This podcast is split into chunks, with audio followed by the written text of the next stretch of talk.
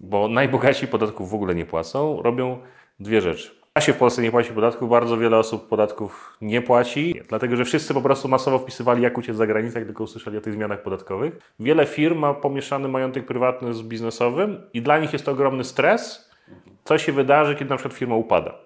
Czy w ogóle są możliwe w Polsce jakieś proste podatki? Niedługo będą wybory. I koszt założenia spółki niemieckiej zwróci się praktycznie od razu. I wielokrotnie Urząd Skarbowy w Polsce wycofywał się z własnych interpretacji. Podwójne opodatkowanie to jest tak jak Yeti.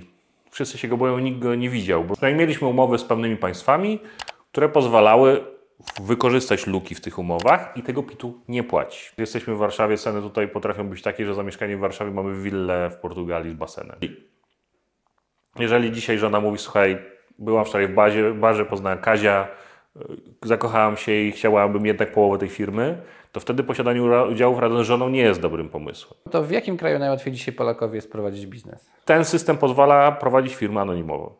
Zapraszam na integrację biznesową 10-12 września w Heron Life Hotel. Na biznes misję zaprasza Lancerto. Moda premium dla mężczyzn i kobiet. Lancerto. Życie to podróż na własnych zasadach. Partnerem odcinka jest Hokomo, producent domów modułowych. Wejdź na hokomo.pl i wybierz swój wymarzony dom. Feed Group. Nowoczesne kamienice gwarancją przyszłości. Witam wszystkich bardzo serdecznie.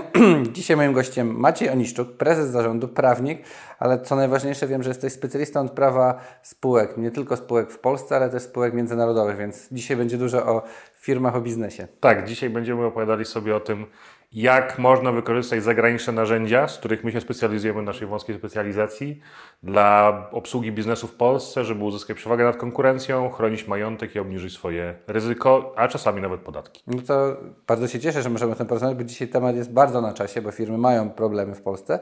Ale zanim zaczniemy, standardowe pytanie o Twoje dzieciństwo. Czy w dzieciństwie było coś, co odróżniało Cię od rówieśników?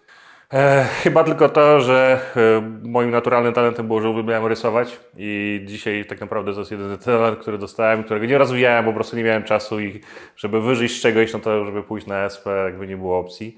Dzisiaj myślę sobie o tym, żeby wrócić do tego czysto hobbystycznie. E, natomiast jestem takim typowym e, wytworem, produktem naszego fatalnego systemu edukacyjnego, kiedy miałem bardzo dobre oceny, byłem w fajnym liceum i wszyscy mi powiedzieli, że żeby coś w życiu osiągnąć, to musisz być albo prawnikiem, albo lekarzem, inaczej zdechniesz pod mostem, tak? I nikt nie mówi o inżynierach, nikt nie mówi o takich rzeczach, to dopiero później się pojawiło. No i poszedłem na prawo, skończyłem to prawo we Wrocławiu wspaniałym w 2010 roku i poszedłem trochę inną drogą niż wszyscy moi rówieśnicy, dlatego że nie poszedłem na aplikację. Mm, widziałem już wtedy, że branża prawnicza e, jest oderwana troszeczkę od rynku, że nie ma w ogóle edukacji w zakresie biznesu, w zakresie zarządzania, w zakresie marketingu. I widziałem, że już wtedy mając klientów, mm, mogę sobie troszeczkę w inną stronę pójść. I dzięki, dużo szczęścia miałem, że w 2010 roku Moim klientem został fundusz, e, który w, e, wypuścił kilka takich fajnych spółek, jak być może widzowie słyszeli LiveChat.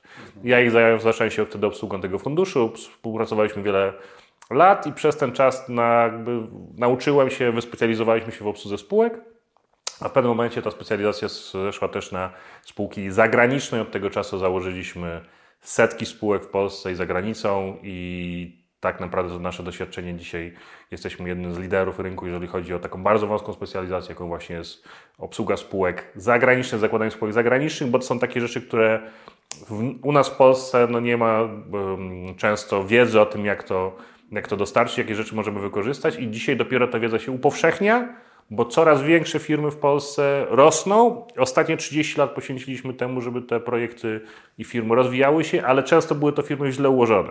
Przykład podstawowy, taki jak często daje klienta, to na przykład firma Drutex, która była jeden, jest i jest dalej jeden z największych producentów okien. Miliardowe przychody, to była firma, gdzie 3 czwarte firmy było w wspólności małżonków. Gdzie nikt tego nie robi w taki sposób, takich dużych projektach zawsze się tworzy pewne struktury, żeby takie ryzyka ograniczyć.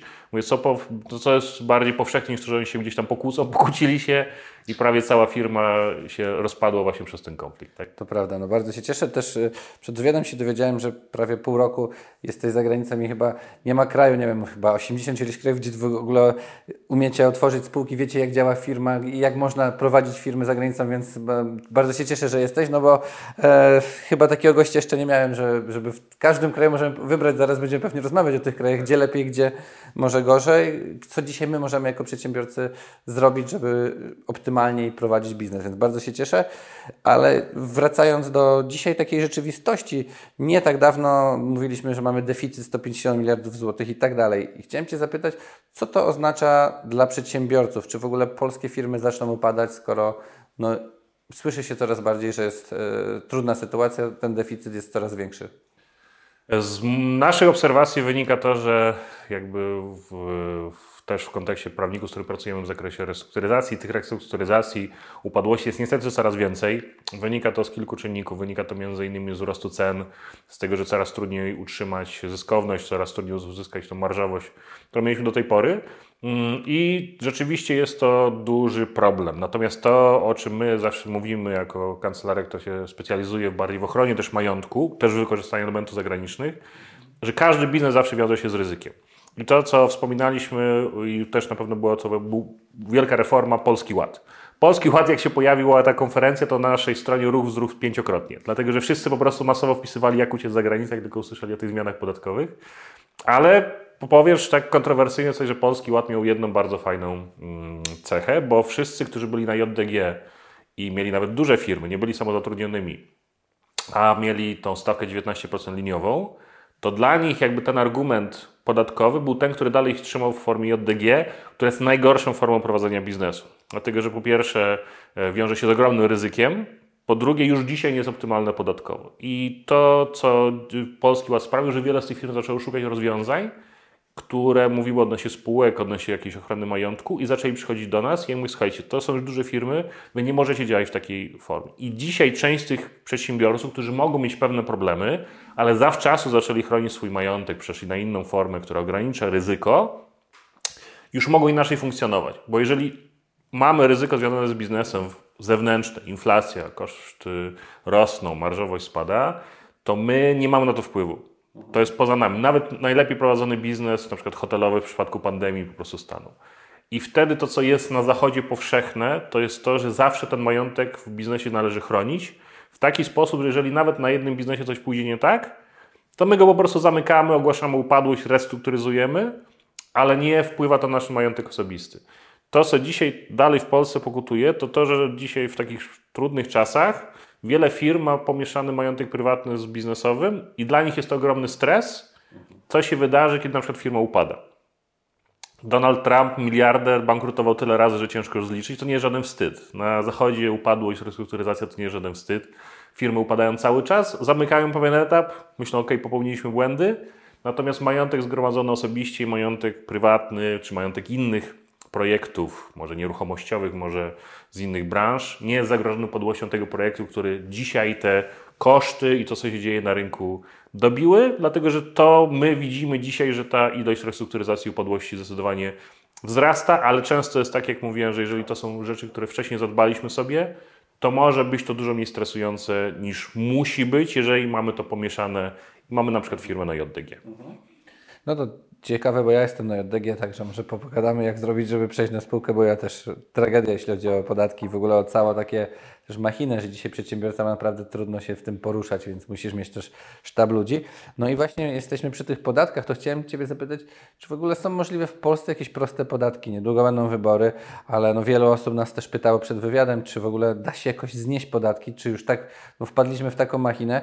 Ja właśnie, tak jak mówiłem, byłem już w Dubaju i tam nie ma podatków w ogóle. Jest tak, że nie płacisz tych podatków, jakieś tam marginalne się pojawiają, płacisz po prostu rocznie za korzystanie z firmy i, i zarabiasz. I pytanie jest, dlaczego właśnie tak u nas się dzieje, że nikt nie jest w stanie tego poprawić, a wręcz zakopujemy się przez nowy ład i tak dalej. Mówię to nie tylko jako my przedsiębiorcy, ale nawet urzędy, sam pewnie słyszałeś niejednokrotnie, nawet nie wiedzą jak interpretować różne przepisy. No to przecież jest jakiś absurd, jak prowadzić biznes w takim kraju.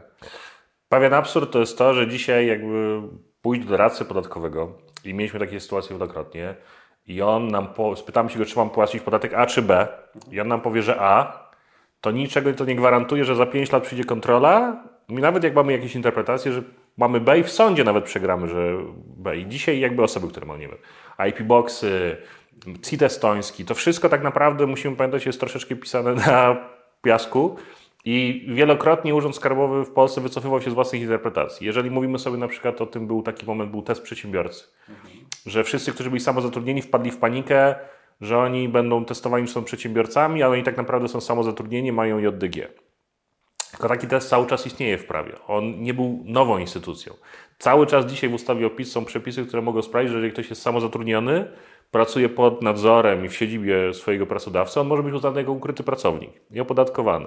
I takie sytuacje były na przykład z branżą żużlową, że prawie żużlowców opodatkowano i skazano na upadłość, ale ktoś tam poszedł i mówi, ludzie, ale to miliony wyborców oglądają ten żużel, to, to wy nie chcecie ich y, zniszczyć. I dzisiaj tak naprawdę w Polsce nie są problemem wysokie podatki, bo prawda jest taka, co rozmawialiśmy, że często w porównaniu z innymi krajami mamy niskie podatki.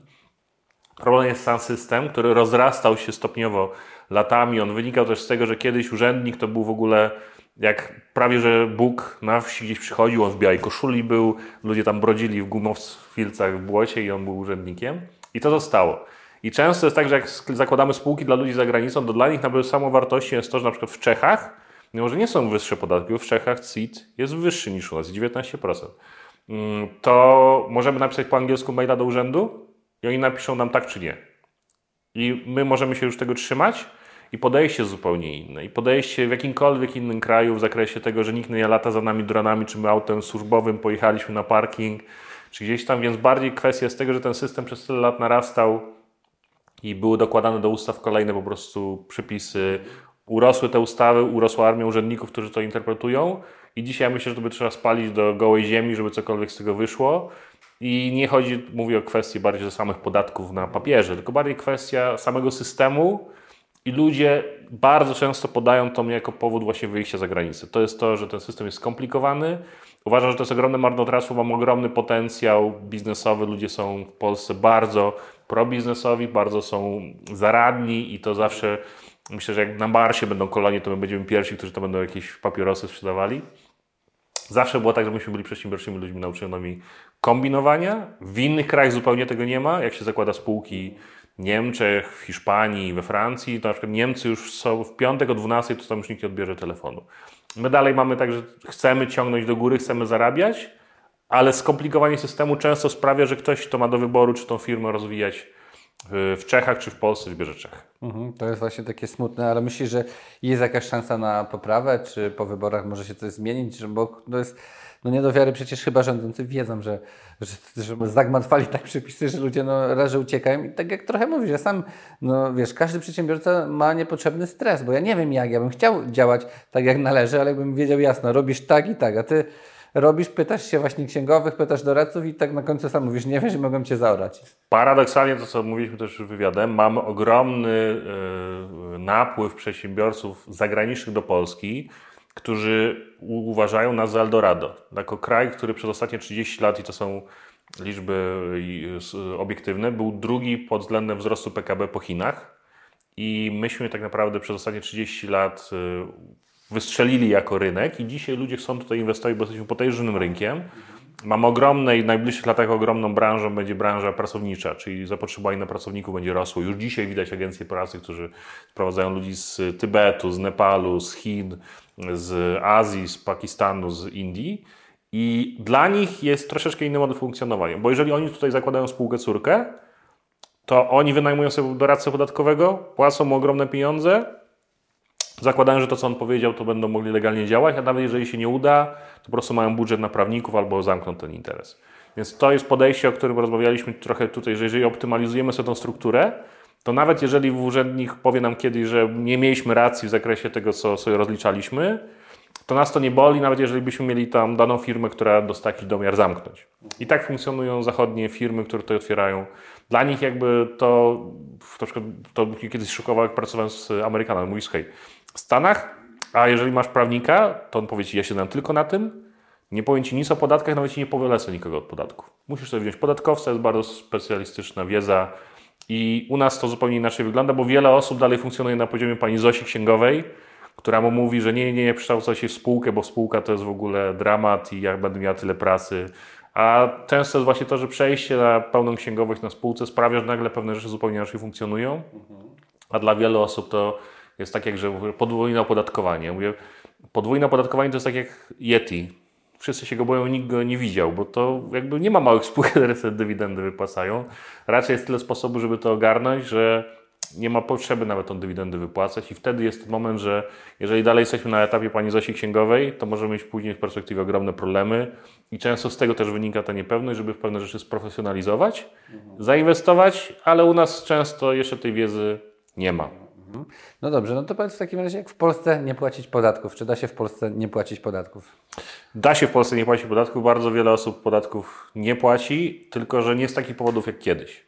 E, Kiedyś było tak, że mm, mieliśmy optymalizację podatkową. To jest takie brzydkie słowo e, w zakresie powiedzmy zmniejszania podatków przy, z mojej branży przy użyciu spółek zagranicznych i polegało to na tym, że mieliśmy mm, umowę o unikaniu podwójnego opodatkowania z pewnymi państwami, które sprawiały, że jeżeli ktoś mieszkał w Polsce, bo zawsze to jest podstawowy parametr, czyli tutaj spędzam co najmniej pół roku, bądź mam centrum interesów życiowych, czyli dzieci, mm, przedszkole, rodzinę, żonę, partnerkę, to tutaj płacę globalnie podatek PIT. Czyli czy mam dochód z Bangladeszu, czy z Polski, czy z Cypru, płacę PIT w Polsce. No i mieliśmy umowy z pewnymi państwami, które pozwalały wykorzystać luki w tych umowach i tego PIT-u nie płacić.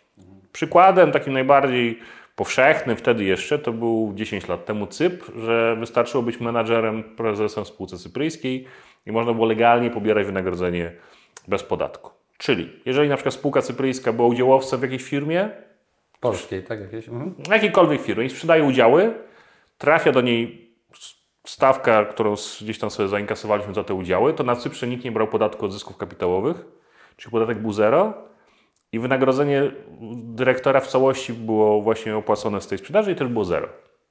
Czyli mieliśmy podwójne zerowe opodatkowanie, czyli cała kasa, która poszła ze sprzedaży tych udziałów była zero. A w Polsce wtedy jakby było właśnie? Jakbyś to analogicznie, jakbyś to samo zrobił? W Polsce było tak, że no, mieliśmy normalny podatek belki od zysków kapitałowych, dalej go mamy, a pewne kraje, na przykład Cypr, y, Luksemburg, e, Gibraltar, nie opodatkowują zysków kapitałowych.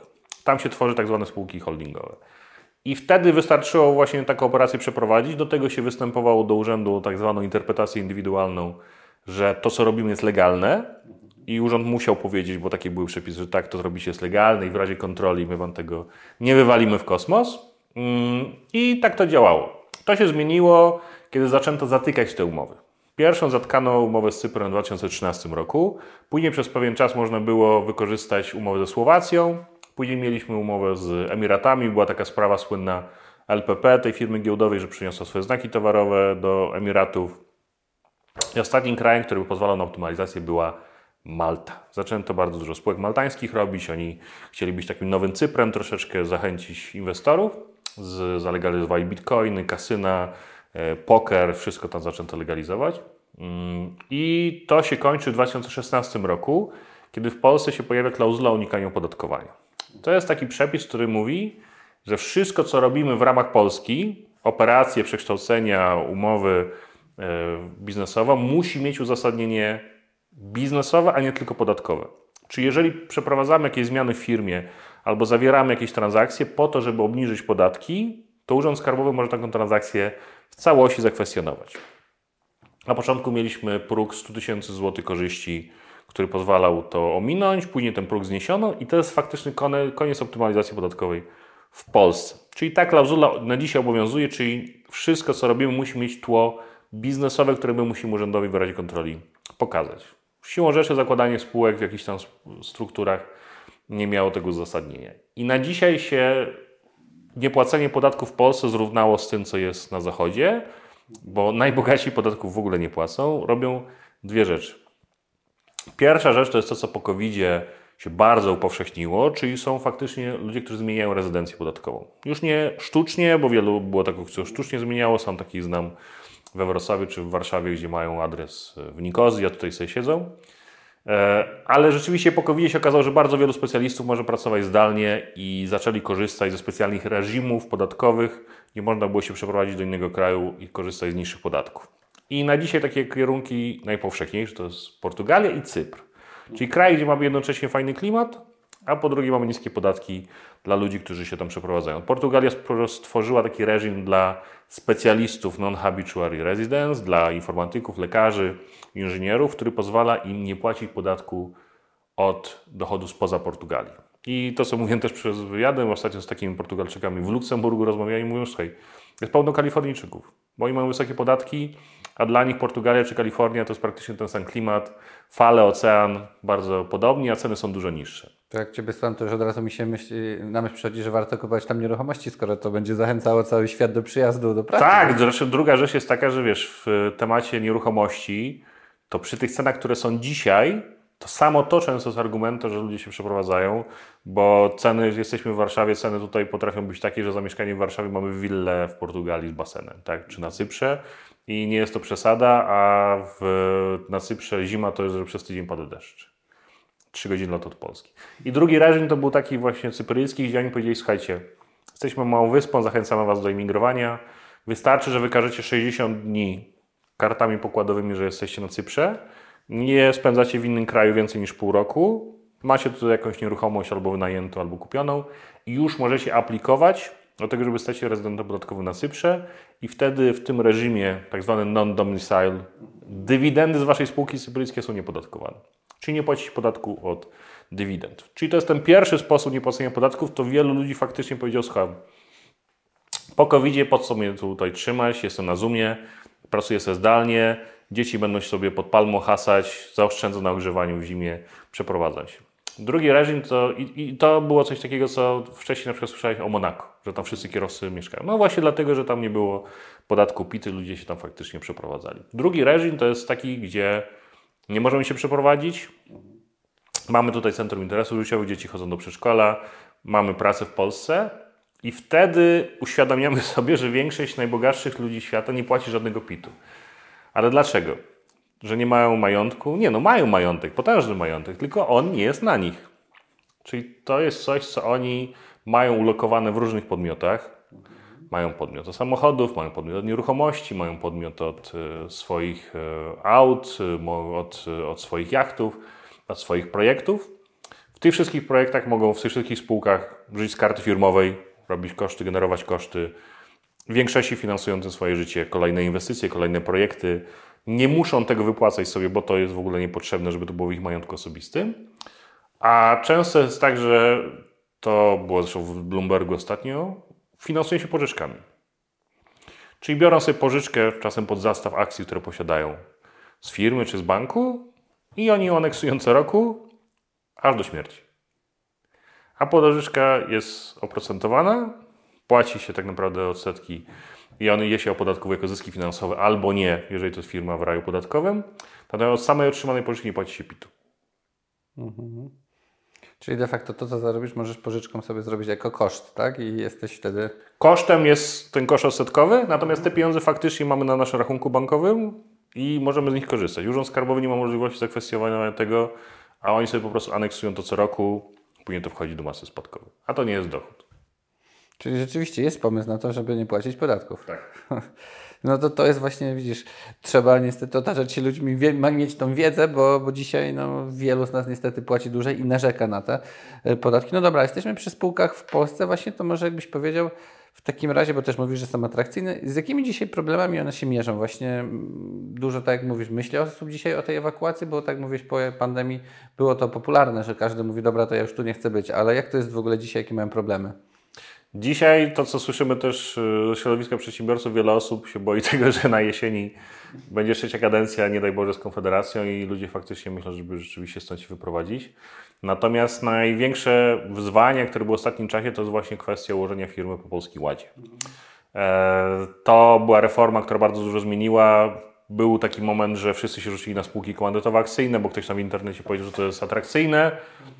Zatkano to praktycznie błyskawicznie Stara dobra spółka ZOO praktycznie przeszła przez Polski Ład suchą stopą. Mm, myśmy mówili klientom, słuchajcie, to wszystko będzie gdzieś tam zatykane, uważajcie, nie róbcie tych komandytowo-akcyjnych. W zeszłym roku zrobiono na początku roku więcej komandytowo-akcyjnych spółek, których praktycznie się nie używa, bo to jest taki dziwny twór osobowo-kapitałowy, niż przez cały zeszły rok. Bo ktoś tam w internecie powiedział, że to jest jakby luka. Lukę zatkano, a w spółce ZO miała być ukryta dywidenda, czyli te koszty, które się robią wspólnicy sobie czy zarząd y, i wypłacają w ten sposób pieniądze i ona została zniesiona. Wycofano się z tego całkowicie. Czyli na dzisiaj po Polskim Ładzie spółka ZO pozostaje najlepszą formą do prowadzenia działalności w Polsce z dwóch powodów. Po pierwsze, mam ograniczenie odpowiedzialności za długi. Wspólnicy spółce ZO odpowiadają tylko i wyłącznie wkładem. Prezes zarządu odpowiada wtedy, kiedy spółka ma długi on nie zgłosił wniosku upadłość na czas. Natomiast co do zasady wspólnicy nie odpowiada i to jest dla, nawet dla prezesa dużo większa, e, dużo większe bezpieczeństwo niż jakby był na działalności. Część osób robi też tak, że podpinają się ze swoją działalnością do swojej spółki i fakturują ją na ryczałcie, tylko wtedy trzeba uważać, że to muszą być inne funkcje, które sprawujemy jako prezes, a inne te, które mamy jako działalność gospodarcza, która fakturuje naszą spółkę. I to też często jest stosowane. Natomiast musimy pamiętać o tym, że Polski Ład też wiele osób przeszło na ryczałty, czyli to jest nie od dochodu, tylko od przychodu. Dlaczego? Dlatego, że główną ideą Polskiego Ładu było osłabienie samorządu. A ryczałt nie idzie do gminy, tylko idzie, ryczałt idzie do Ministerstwa Finansów. I to nie było tak, że rząd był dobrym wujkiem i nam ten ryczałt obniżył, tylko miał w tym konkretny interes. I dzisiaj większość naszych klientów w zakresie polskich spółek są właśnie ludzie, którzy chcą sobie ułożyć dobrze podatki na zakresie swojej spółki ZO i pytają nas, jak najoptymalniej pieniądze z tej spółki ZO wypłacać. A tych sposobów jest bardzo dużo i tak jak wspominaliśmy wcześniej, większość z nich przez Polski Ład przeszła suchą stopą. Tak jak powiedziałeś, jak jest dużo, no to właśnie można wypłacić pieniądze ze spółki ZO bez podwójnego opodatkowania. Czy Oczywiście. Jak, jak to można zrobić? E, tak jak mówię, podwójne opodatkowanie to trochę taki Yeti, którego się wszyscy boją, nikt go nie widział, bo nikt nie wypłaca za dywidend w takiej małej spółce za. Nawet jeżeli wypłaca, to często może być tak, że to w sumie jest korzystnie opodatkowane. Mhm. Najczęstszym sposobem było po prostu pobieranie pensji jako członek zarządu. To się troszeczkę zmieniło, bo na dzisiaj do tego doszła składka zdrowotna. Z kolei z drugiej strony obniżono pierwszy próg podatkowy do 12% i zwiększono ten próg podatkowy pierwszy do 120 tysięcy brutto. Czyli razem ze składką nam w tym pierwszym progu możemy fajne pieniądze wyjąć. Mm, drugi sposób to jest to, o czym mało kto wie, że prezes zarządu ma prawo do diety. Diety, czy jeżeli podróżujemy sobie po Polsce, po świecie, mamy rozporządzenie, które mówi mi, jaką mam stawkę, mhm. kiedy opuściłem, kiedy wyjechałem i diety są niepodatkowane. Więc to jest coś, co y, trzeba pamiętać. Trzecia rzecz to jest to, co było zawsze stosowane miało być ukrytą dywidendą ukrócone, czyli wynajmowanie, podnajmowanie sobie na spółki za swojego sprzętu, swoich nieruchomości, swoich e, aktywów. Czyli I mogę na przykład auto swoje prywatne Oczywiście, tak. I to miało być właśnie w, jako ukryta dywidenda zamknięte, wycofano się z tego. I to są te najpowszechniejsze sposoby.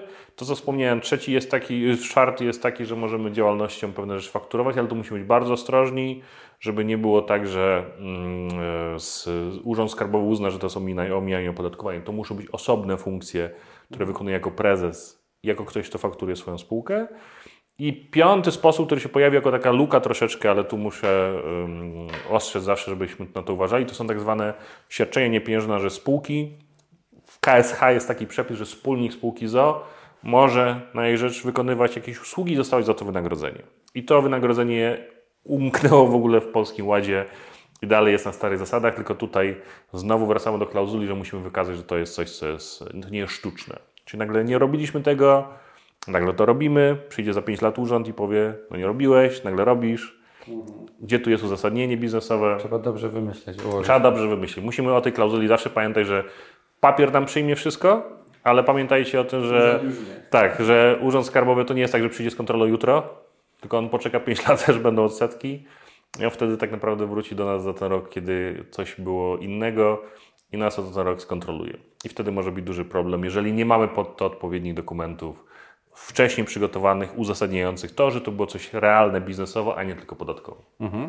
No to jak tak jesteśmy, to mówiłeś o tej JDG, że to jest najgorsza forma, ja niestety jestem. I chciałem Cię zapytać, JDG, spółka ZO, może byś mógł powiedzieć, kiedy warto przejść na tą spółkę, na przykład dla takich małych, może na podstawie biznes misji. Mi właśnie wiele osób mówi, załóż sobie jeszcze spółkę ZO, miej tutaj firmę, bo ja jestem na ryczałcie, właśnie jakoś rób, ale jakbyś tak przychodzę do Ciebie, to co byś polecił? Czy warto przejść na... Nie jest kwestia jakby czym się zajmujesz, tylko bardziej jest kwestia pewnej skali. Czyli jeżeli już jesteś ponad element samozatrudnienia, a nawet samozatrudniony informatyk może zepsuć jakiś system i można go pozwać. I już wtedy może zostać z długami do końca życia, jak jest na JDG. Na zachodzie nawet samozatrudnieni mają swoje spółki LTD I to jest kwestia taka, że nawet od pewnego poziomu ryzyka, nie wiem, ktoś może wymyślić sobie, że zrobiłeś z nim zły wywiad i cię pozwać. Urząd Skarbowy może uznać, że gdzieś tam na jakiejś fakturze złą stawkę zapłaciłeś, coś tam wrzuciłeś w koszty. Już mogą się jakieś roszczenia pojawić, które nie powinny się mieszać z Twoim majątkiem osobistym. Czyli dzisiaj dzieciakami macie jakiś dom letniskowy z żoną, macie mieszkanie, pojawia się jakiś urząd skarbowy na hipotece. No już jest troszeczkę nerwowo, dlaczego to się wydarzyło. Żona może mi do siebie pretensje, że tam czegoś nie zapłaciłeś albo upomnienia nie odebrałeś. Lepiej tego nie mieszać. Spółka ZO zawsze będzie wtedy tarczą. I tu bardziej jest kwestia, że już są pewne obroty, które są poważne i musimy się nad tym po prostu zastanowić, żeby to była taka tarcza przed roszczeniami na naszym majątku prywatnym.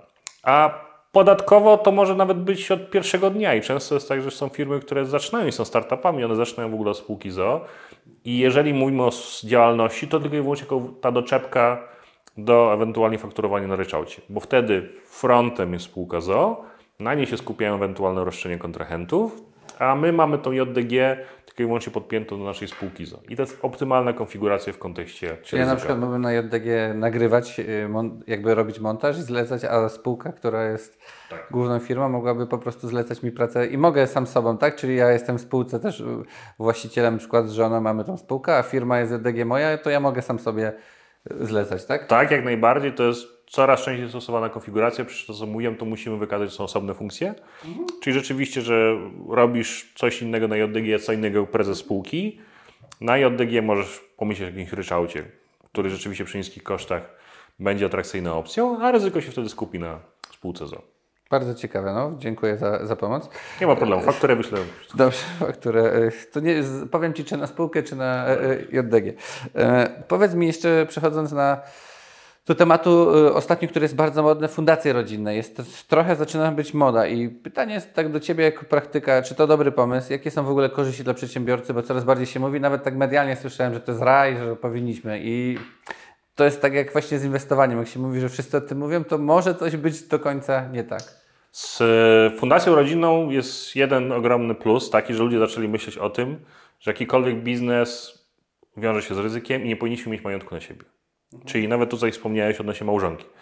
E, mieliśmy takie sytuacje, że ktoś na JDG wstawał rano, żony nie było i nie było pieniędzy na koncie. A żona miała na JDG dostęp do pieniędzy firmowych już była z kochankiem na Malediwach.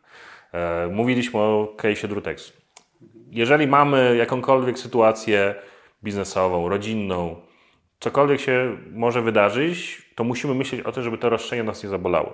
Czyli jeżeli dzisiaj żona mówi, słuchaj, byłam wczoraj w bazie, barze, poznałem Kazia, y, zakochałam się i chciałabym jednak połowę tej firmy, to wtedy posiadanie udziałów razem z żoną nie jest dobrym pomysłem. I w takim momencie wchodzi to, co na Zachodzie jest stosowane od dawna, czyli właśnie idea wyniesienia majątku zawczasu w postaci nieruchomości, w postaci udziałów do jakiegoś podmiotu holdingowego. Podmiot holdingowy to jest podmiot, którego funkcją jest trzymanie aktywów. Czyli nie prowadzi działalności innej niż trzymanie aktywów, dlatego żeby nie było roszczeń z tej innej działalności, pracowniczych, fakturowych, tego typu. Czyli podmiot holdingowy trzyma aktywa i tym podmiotem holdingowym może być spółka, to sobie powiedzieliśmy, ale może być też fundacja. Jaka jest różnica? Różnica jest taka, że podmiot holdingowy w postaci spółki to bardziej kwestia komercyjna, czyli on sprzedaje aktywa, kupuje następne, wynajmuje je, mm, wychodzi z projektu, sprzedaje udziały, robi exit z jakiegoś projektu, sprzedaje akcje, inwestuje w kolejne projekty. Natomiast fundacja jest bardziej taka, że ona ma być stała w zakresie tego, że te aktywa w niej są, ma być na dłuższy czas, na pokolenia, a nawet na sukcesję. I dwa, że w fundacji możemy dużo swobodniej dokonać pewnych zapisów w zakresie np. dziedziczenia. Czego nie możemy w umowie spółki holdingowej. I jaka jest podstawowa zaleta Polskiej Fundacji Rodzinnej? Polska Fundacja Rodzinna będzie miała właśnie możliwość, że przenosimy na jej rzecz aktywa i zapisujemy sobie, rozpisujemy sobie sukcesję. I ta operacja wniesienia aktywów, dystrybucji będzie korzystna podatkowo, dlatego że tam przy dystrybucji będziemy mieli stawkę 15%. E, Jaka jest największa wada Polskiej Fundacji? Że jest w Polsce. Czyli wszystkie rzeczy, których powiedzieliśmy sobie wcześniej, niepewność urzędników, roszczenia, to, że nie wiem, ktoś z prokuratury uzna, że na przykład zarysowaliśmy mu auto i nas nie lubi i będzie chciał nam zrobić na złość. Wszystko to sprawia, że powinniśmy się skupić na czymś, co my nazywamy dywersyfikacją geograficzną ryzyka. Dywersyfikacja geograficzna ryzyka to jest to, że jeżeli mamy jakiekolwiek aktywa, cokolwiek warte, powinniśmy myśleć, żeby je przenieść poza Polskę. Bo wtedy roszczenia z wewnątrz Polski, z polskiego sądu, z um, polskiego kontrahenta, pozew, czy jakiekolwiek inne rzeczy, które byłyby nawet z Polskiego Urzędu Skarbowego nieusprawiedliwione. To się często zdarza, że Urząd Skarbowy zajmuje sobie, zabezpiecza, a później przegrywa w sądzie albo wycofuje się z tego. Dywersyfikacja geograficzna nas na to uodparnia, czyli jeżeli mamy podmiot poza Polską, już nie można tego zrobić automatycznie. Na przykład system ogniwo. System ogniwo to komornik wpisuje nasz PESEL, widać wszystkie nasze konta we wszystkich bankach i wszystkie nasze księgi wieczyste. Czyli gdziekolwiek mamy jakiekolwiek aktywa, w ciągu jednego dnia komornik może te wszystkie aktywa w Polsce zająć. Tylko ten system działa tylko w Polsce. Jeżeli mamy nieruchomość na spółce zagranicznej, na fundacji zagranicznej, już nie będzie tego zajęcia z automatu. Będzie bardzo trudna i bardzo rzadka procedura egzekucji zagranicznej i konkurencją często, co się okazuje, podobną w cenie do polskiej fundacji rodzinnej, dlatego że tam mamy ten majątek, który musimy wnieść w podobnej wielkości jak fundacji na przykład w Liechtensteinie, y, to właśnie są fundacje, które są już w ustawodawstwie takiego księstwa Liechtenstein od dziesiątek lat i to jest najstabilniejszy kraj w zakresie jakichkolwiek systemów politycznych. Po drugie, mało kto wie o tym, że Liechtenstein nie podpisał prawie żadnym krajem umowy o współpracy sądowej, poza Szwajcarią i Austrią. Czyli pozwanie fundacji z Liechtensteinu z zagranicy jest praktycznie niemożliwe. I dzisiaj, jeżeli mówimy sobie o Polskiej Fundacji Rodzinnej, jak powiedziałeś, to jest super pomysł, fajnie, że to się dzieje, ale każdy powinien sobie przyjść i zrobić rachunek sumienia, czy za podobne pieniądze nie woli spać spokojnie, mając fundację za granicą, niż fundację w kraju, który z praworządnością w ostatnim czasie miewa pewne problemy. To tak? też prawda. No, ale rzeczywiście, jak już trzeba stanąć przed takim wyborem, to lepiej sprawdzić tą taką optymalizację, bo to można powiedzieć, że to też jest optymalizacja podatkowa. To jak trochę Ciebie słucham, to jednak no mówiliśmy na początku, że nie do końca dzisiaj jest ta optymalizacja, ale jednak ona istnieje jeszcze, bo można właśnie szukać różnych rzeczy. Tak, ona, może inaczej, ona istnieje w takiej formie troszeczkę bardziej skomplikowanej, bo telefonów, że mam firmę w Polsce, nie chcę płacić podatków, to ja odbieram kilkadziesiąt dziennie. I w większości muszę dopiero ludziom to wszystko wytłumaczyć, jak to działa. Rzeczywiście, że tej optymalizacji PIT-u, jeżeli mam firmę w Polsce, mieszkam w Polsce, już nie ma, nie będzie, ale są mechanizmy identyczne, które istnieją na zachodzie dziesiątek lat, które można spoko, powodzenie stosować, tylko one wymagają troszeczkę zmiany pewnej mentalnej często i powoli to się dzieje, bo coraz większe firmy mamy w Polsce, coraz dojrzalsza jest gospodarka i dzięki Bogu to się dzieje, że zaczynamy te mechanizmy zagraniczne Polsce stosować, a to co mówię, podstawowym jest to, że nie powinniśmy mieć nigdy nic na siebie, jeżeli prowadzimy biznes, bo śpi się wtedy spokojnie, śpi się wtedy spokojniej niż konkurencja, oni będą niewyspani, my będziemy wyspani i możemy dużo więcej zarobić. Mhm. No to powiedz mi też w takim razie, jak jesteś w tylu krajach, y, prowadzicie właśnie spółki, firmę, to w jakim kraju najłatwiej dzisiaj Polakowi jest prowadzić biznes? Czy to jest właśnie teraz Malta, tak jak mówiłeś? To jest prawnicza odpowiedź, to zależy, tak? Tak naprawdę zawsze jak przychodzi do nas ktoś, kto szuka pewnych rozwiązań zagranicznych, a ja mu zadaję dwa pytania. Czym on się na dzisiaj zajmuje i co on chce osiągnąć? I każda odpowiedź determinuje, inna odpowiedź determinuje, gdzie my możemy szukać, bo tych potrzeb jest bardzo, bardzo dużo. Pierwszy z brzegu. Mamy najlepszą branżę transportową w Europie. Ale pakiet mobilności narzucił pewne ograniczenia na polskich przedsiębiorców z branży transportowej, którzy być może się oglądają. Wystarczy założyć spółkę niemiecką i nagle możemy sobie założyć shorty skórzane, udawać Niemca i działać jako niemiecka spółka transportowa i ominąć pakiet mobilności. Czyli dzisiaj, jeżeli ktoś przychodzi do mnie z branży transportowej, to go boli, rekomenduję mu spółkę niemiecką. Największy rynek w Unii Europejskiej, ale bardzo hermetyczny i dużo więcej zarobimy działając jako spółka niemiecka i koszt założenia spółki niemieckiej zwróci się praktycznie od razu w zakresie tego, co próbowalibyśmy robić jako spółka polska. Podobnie jest na przykład z rynkiem francuskim. Z kolei, jeżeli ktoś przychodzi do mnie i mówi, słuchaj, mam firmę kryptowalutową, szukam rozwiązań, gdzie postawić to, to mówię, słuchaj, no był taki moment, że Estonia była bardzo fajnym krajem, to się zmieniło, bo pewne rzeczy u nich ograniczone i dzisiaj widzimy, że na przykład giełdy przenoszą się do Londynu. Bo tam konkurencji do Unii Europejskiej, poza Unią Europejską tworzy się ustawodawstwo kryptowalutowe. pod krypto dzisiaj to Londyn, tak? Tak, tak. Dzisiaj na przykład giełdy migrują do Londynu. Ktoś z kolei przychodzi, chce się przeprowadzić. No to mówimy tutaj o Cypr, Portugalia. Ktoś mówi z kolei, słuchaj, mm, mam firmę CBD. Czechy, tak? Dzisiaj nawet dostałem zapytanie od firmy, która boi się e, regulacji rynku recept. Receptomaty są bardzo często i, i dla nich też na przykład Czechy będą fajnym rozwiązaniem. Ktoś z kolei mówi, słuchaj, mam exit z projektu w przyszłości planowany, gdzie wyjść z inwestycji. No to mówię, na przykład może to być Cypr, gdzie nie ma podatku od zysków kapitałowych. Może to być Malta, może to być Gibraltar, a może być to Lu- Luksemburg, który też jako spółki holdingowe jest taką mekką trochę globalną i tam te wszystkie korporacje, te swoje spółki najważniejsze holdingowe umieszczają i mają specjalny też taki reżim, że się nie płaci podatku od zysków kapitałowych. Więc dzisiaj nie ma jednej odpowiedzi na to pytanie. Każda wynika troszeczkę z tego, że być może widzowie myślą sobie, coś mnie tam boli, chciałbym jakąś rzecz sobie troszeczkę optymalizować, bo jest tak, że w zagranicą mamy pewne elementy, których nie jesteśmy w stanie dostać w Polsce, które sprawiają, że wniesiemy nasz biznes na wyższy poziom. Najczęstszym takim pytaniem też jest na przykład anonimizacja spółki. I wiem, że też chciałeś odnośnie trustów spytać. To jest coś, co jak ktoś Wam powie, słuchaj, zrobię Wam w Polsce spółkę anonimową. Nie da się. Nie da się, bo w systemie kontynentalnym prawa, my mamy system kontynentalny, nawet jeżeli mamy kogoś w KRS, jakiegoś wujka, czy tam słupa, takiego powszechnie wykorzystują, i mamy z nim wszystkie kwity, weksle, to jeżeli jest KRS, on może zrobić tą firmą wszystko. A my możemy później go na co najwyżej pozwać. Z kolei system anglosaski pozwala nam wykorzystać umowę trustu, która jeszcze się wywodzi z czasów krucja, że ten rycerz jechał na krucjatę i zostawiał majątek w powierzeniu komuś, gdzie legalnie ktoś widnieje jako właściciel naszego majątku, ale ma z nami umowy, że on nie może z tym majątkiem nic zrobić, cokolwiek z tym majątkiem zrobić będzie nielegalne. I ten system pozwala prowadzić firmę anonimową. I dzisiaj y, na przykład spółka z wysp, y, wyspy Man, wyspy Jersey, spółka cypryjska, czyli wszystkie systemy brytyjskie pozwala taką spółkę anonimową legalnie tworzyć i jeżeli ktoś do mnie przemówi, mówi, słuchaj, chcę założyć sobie branżę erotyczną. Bardzo teraz internetna branża. Na OnlyFansie firmę produkcyjną. To jest też kolejna nisza, która gdzieś tam wystrzeliła. No nie chcę, żeby ktoś mnie z tym łączył, tak?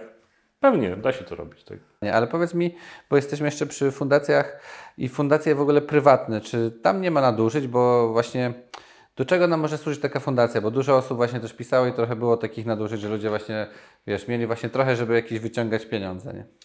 To musimy sobie spojrzeć szerzej, bo jakby fundacja jako forma prawna w Polsce istnieje od dawna. I to jest coś, co jakby kojarzy się z działalnością charytatywną, ale nie musi być. Ja na przykład mam fundacji kilka i możemy to widzieć sobie tak, że jak chcemy sobie stworzyć najprostszy wehikuł do majątku, to fundacja jest najprostszym. Ona dopiero po pewnym czasie może się sta- starać o tak zwany tytuł OPP, o Organizację Pożytku Publicznego. I to jest coś, co właśnie jest kojarzone z tymi nadużyciami, dlatego że jeżeli fundacja ma OPP, może startować sobie do tego 1,5% podatku, może działać charytatywnie i wtedy tak naprawdę nie ma kontroli nad tym, co się dzieje z tymi pieniędzmi. I dopiero później, jeżeli ktoś doniesie, jest jakieś zawiadomienie, może to nosić znamiona przestępstwa, jest to niezgodne ze statutem, coś się może z tym podziać, a słynna sprawa, no to jest we Wrocławiu taki człowiek, który zrobił program do rozliczania pitów, który domyślnie wstawiał jego w KRS w picie i on tam zabrał ogromne pieniądze, nie do końca później to wiadomo, co się z tym podziało, no ale jakby na dzisiaj jest to legalne absolutnie, bo jeżeli byłoby to w jakikolwiek sposób sprzeniewierzenie, no to pewnie coś tam by się za- zadziało. Natomiast częściej jest tak, że spółki y, czy, czy fundacje charytatywne to są takie, gdzie możemy mówić o jakichś nadużyciach, natomiast każdy z nas może sobie zrobić naszą fundację prywatną, wnieść w nią majątek, założyć jej konto, wydawać to, jeżeli to jest zgodnie ze statutem, jeżeli to nie ma znamion przestępstwa, nic się nie wydarzy. A fundacje, które są OPP, to są te rzeczywiście, które mogą już pewne darowizny charytatywne przyjmować i wtedy już możemy mówić o tym, że na przykład to było sprzeniewierzone, czy niezgodnie ze statutem, czy wydane na jakieś potrzeby prywatne. I tu rzeczywiście może być to temat do jakiegoś nadużycia. Tak? A powiedz mi o, ostatnio też modny temat podatki od zbiórek e, publicznych. Na razie wiem, że jest pomysł wycofany, ale myślisz, co o tym pomyśle myślisz? No bo dla mnie trochę słabe, że chcę wspomóc, nie wiem, chore dziecko na przykład i jeszcze wiesz, muszą rodzice oddać państwu pieniądze. To musimy też pamiętać o tym, że część takich rzeczy to są takie balony próbne i rząd to wypuszcza, żeby patrzeć jaka będzie reakcja i się później z tego wycofuje. Tak było chociażby z tym testem przedsiębiorcy. Mhm. Więc myślę, że nic z tego nie wyjdzie. No, to są takie idee, że każdy myślę, że ja też miałem przyjemność kiedyś, e, jak powstawał portal rzutka.pl, to myśmy tam im pomagali na samym początku. Uważam, że to jest coś świetnego i to powinno być promowane w, i crowdfunding jako taki, czy to udziałowy, czy to w ogóle zbieranie takie powszechne. Fajnie, że to, fajnie, że to funkcjonuje i myślę, że jeżeli to wejdzie, to naprawdę będzie bardzo, bardzo słabo, ale znowu natura nie znosi próżni i myślę, że będę pierwszym, który będzie portale zrzutkowe zakładał do granicą. Tak? No to też jest pomysł. No dobra, a wielu z nas pyta przed tymi wyborami, na razie mamy rozdawnictwo, wszystko dostajemy, ale co sądzisz, jak się, jak skończą się wybory, to jakie jeszcze mogą nas czekać podatki? Czy masz coś na myśli, co jeszcze może rząd nam wprowadzić? Myślę, że już więcej to nie zniesiemy, bo te podatki już jakby po, tej, po tym polskim ładzie są podatki, no bo doszła składka, która nie jest podatkiem, składka zdrowotna. E, są już dość wysokie, natomiast jak sobie spojrzymy na mm, scenariusz węgierski, to tam było dokładnie tak, że przed wyborami bardzo dużo obiecano, bardzo dużo rozdano, później inflacja wystrzeliła i myślę, że tutaj jest największe zagrożenie, tak? Dlatego, że my dzisiaj, jak mówimy sobie o problemach przedsiębiorców, to ta inflacja jest jednym z głównych z nich, po prostu tracimy pieniądze, jest to trucizna, a w przypadku cen, no to dzisiaj jak podróżuję sobie po świecie, no to już naprawdę jesteśmy na poziomie Szwajcarii czy Liechtenstein, jeżeli chodzi o ceny, czy to hoteli, czy, czy byłem w Luksemburgu w styczniu, czy w lutym? W styczniu. I benzyna była w Luksemburgu, gdzie pensja średnia to jest naprawdę najwyższa w Europie, 1,5 euro. Diesel był za 1,5 euro. No to siła nabywcza nasza po prostu zanurkowała w beton w ostatnim czasie. I myślę, że nie podatki same, tylko to może być takim zabójcą po wyborach, który, jeżeli rzeczywiście to rozdawnictwo będzie bo przecież jest uchwalona chyba 15, 14 emerytura zaraz przed tak, wyborami, tak? Pewnie, tak. E, no to, to może być naprawdę gwóźdź do trumny wielu branż. Mhm. A myślisz, że właśnie po wyborach to rozdawnictwo dalej będzie trwało, czy to... Nie, nie, no jakby to już jakby jest, jest taka paremia rzymska jak Fibona, czyli jak szukamy sprawcy przestępstwa, kto na tym skorzysta. No jeżeli jest jedyny cel taki, żeby wygrać wybory, no to myślę, że już jak wygrają albo coś ugrają co najmniej, no to już nie będzie później potrzeby tego rozdawnictwa, będzie sobie trzeba radzić z tą żabą w postaci inflacji a rząd na inflacji zarabia i dla nich jakby to jest dużo mniejszy problem. Tym bardziej, że jak sobie spojrzymy przez te ostatnie 30 lat, to co mówię, mieliśmy drugi wzrost po Chinach. Te ekipy się zmieniały, ale pewne rzeczy były święte.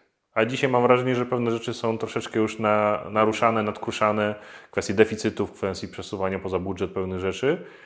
Ale jestem optymistą, dlatego że mimo wszystko, jak sobie patrzę na polską przedsiębiorczość, to ludzie naprawdę. Dajemy radę. Dajemy radę mimo wszystko. Tylko, że no, szczerze widzę, że wiele osób już myśli faktycznie o wyprowadzkach takich na stałe po COVID-zie, y, bo nikt ich tu nie trzyma. Tak? I to może być duży problem, dlatego że ten kapitał ludzki i innowacje to jest nasza największa siła. A dzisiaj dużo więcej idzie na transfery socjalne niż na innowacje. I to jest duży problem, bo mamy zdolnych informatyków najlepszych na świecie, a taka Rumunia, która nas dogoniła w zakresie rozwoju w wielu aspektach, e, no to wprowadziła specjalny reżim dla informatyków.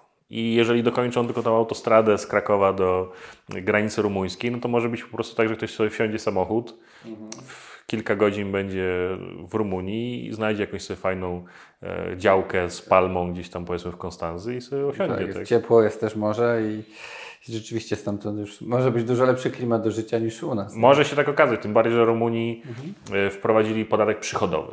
I u nich CIT jest, może być przychodowy, czyli liczony, co mówi odnośnie prostych podatków. Nie ma od dochodu, czy nie ma potrzeby optymalizacji, tylko jest po prostu podatek przychodowy. To taki może gdzieś apel, wiesz, miejmy nadzieję, że rzeczywiście ktoś przyjdzie, kto zacznie to zmieniać w takim dobrym, tak też jestem optymistą, w dobrym kierunku, żebyśmy mogli zatrzymać tych ludzi, sprowadzać do nas fajnych ludzi, no bo sam kraj jest naprawdę świetnych, mamy ludzi, tak jak mówisz, specjalistów, żyje się dobrze, tylko te podatki, tylko te, te rządy, które no, mogłyby zrobić jaki ukłon i rzeczywiście wspierać tą przedsiębiorczość, bo ja się też zaczynam czuć, że coraz bardziej ta przedsiębiorczość jest jakby taka niemile widziana przez rządzących, nie? że powinieneś właśnie pracować gdzieś tam na etacie, mieć tyle samo co każdy, nie wychylać się i to by było idealnie niestety. Tak niestety tak to wygląda, natomiast to co powiedziałem, że myślę, że bardzo dużo zmieni e, napływ ludzi do Polski. Tylko, że będą całe branże powstawały, na przykład mój Wrocław jest przykładem tego, że mamy dzisiaj ogromną społeczność ukraińską, wiadomo, jedna trzecia miasta to są Ukraińcy, ale mamy też ogromną społeczność włoską, mamy wielu Koreańczyków, bardzo dużo Gruzinów, i to fantastycznie miasto wzbogaca. Więc to, co jakby myślę, w najbliższych latach będzie się zmieniało, to to, że nasze braki na rynku pracy sprawią, że e, po pierwsze, co powiedziałem, branża personal services rozkwitnie, ale będą też branże, które się wokół tego będą rozwijały. Dlatego, że my będziemy się starzeć, to jest kolejny rynek usług dla ludzi starszych, ale będą branże, które będą zarabiały na tym, że będzie tutaj masa imigrantów.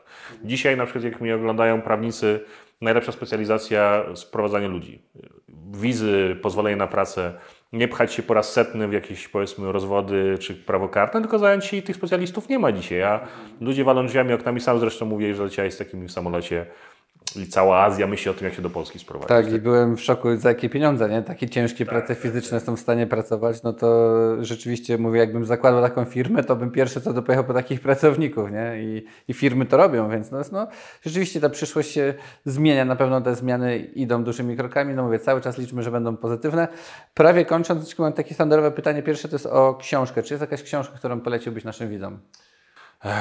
Powiem tak, jak e, mówimy sobie o e, biznesowych umiejętnościach, to z czasem, się idzie przez drogę edukacji, uświadamiasz sobie, i to będzie w najbliższych latach super moc, że nie jest inteligencja IQ ważna, tylko inteligencja emocjonalna. I to, co dzisiaj widzimy wśród ludzi, którzy są już pokolenie smartfonów, którzy boją się interakcji, i po covid już w ogóle te interakcje ludzkie zanikły troszeczkę, że umiejętności interpersonalne będą ważne. I taką książką, Biblią zawsze to było, jak zdobyć przyjaciół, zjednać sobie ludzi Dale'a Carnegie, gdzie on właśnie uczy tej inteligencji emocjonalnej i tego, jak to jest ważne w budowaniu relacji. I w biznesie to jest bardzo ważne w kontekście sprzedaży, poznania potrzeb klienta, tego, co on chce de facto osiągnąć i my musimy, chcąc mu sprzedać, to poznać na początku. A druga książka to jest e, Chris Voss e, o negocjowaniu. Ona taki polski ogromny tytuł, ale po angielski to sobie wygooglujcie Never Split the Difference. Mhm. To jest najlepsza książka biznesowa o negocjowaniu, a autor jest e, ekspertem z FBI i on mówi o tym, że jakby spotykanie się po środku to jest frajerstwo i szereg technik jest, które mogą pozwolić na zawsze wygrywać negocjacje. I to polecam bardzo, bo to jest jedna z lepszych książek biznesowych. Większość z nich to jest taka, że no bardziej, że tam łóżko mamy krzywe i można sobie wepchnąć, prawda? Może tak być. To ostatnie pytanie, czy jest coś, co chciałbyś przekazać naszym widzom? E, dziękuję serdecznie za uwagę, mam nadzieję, że się podobało. Ja chciałbym przekazać tylko to, że nasz kanał też na YouTubie niedawno założyliśmy, w 80 spółek dookoła świata się nazywa. Podlinkujemy gdzie, tutaj. Pod... Dziękuję serdecznie, gdzie te wszystkie miejsca, które odwiedzamy biznesowo, zaczęliśmy odwiedzać z kamerą, nagrywamy odcinki na miejscu, gdzie rzeczywiście pokazujemy troszeczkę jak to wygląda od kuchni. E, może nie jest to Robertem Makłowiczem, jeszcze nie jest to taki przystojny i, i ale powoli staramy się, żeby to było to, co on robi w kontekście właśnie prawa i w kontekście narzędzi biznesowych, które każdy z Was może wykorzystać z innego państwa, żeby zyskać przewagę konkurencyjną. Mamy już odcinki o, o Cyprze, o, w, mamy o, odcinek o Szwajcarii, o Liechtensteinie, zaraz będzie Luksemburg, najbliższych też to, co ludzie pytają, czyli Czechy, Niemcy, no i później kolejne kraje, wszystkie, które obsługujemy, też od kuchni będziemy opowiadać. Fajnie, bardzo potrzebne. Ja powiem, że Robert Makłowicz jest na kanale, to, teraz dołącza Maciek, także e, bardzo się cieszę. Taki Robert Makłowicz biznesowych spółek zagranicznych. E, będziemy też śledzić kanał, podlinkujemy, więc e, trzymam kciuki za no, dalszą taką pracę. Pomóc przedsiębiorcom, bo potrzebujemy przecież pomocy. Robimy to po to, żeby jakoś funkcjonować, iść dalej, rozwijać się. Rząd nam nie pomaga, robimy to oddolnie. Bardzo się cieszę. No i też dziękuję Ci za to, że mogliśmy porozmawiać. Dziękuję serdecznie i dziękuję Państwu. Dzięki, cześć.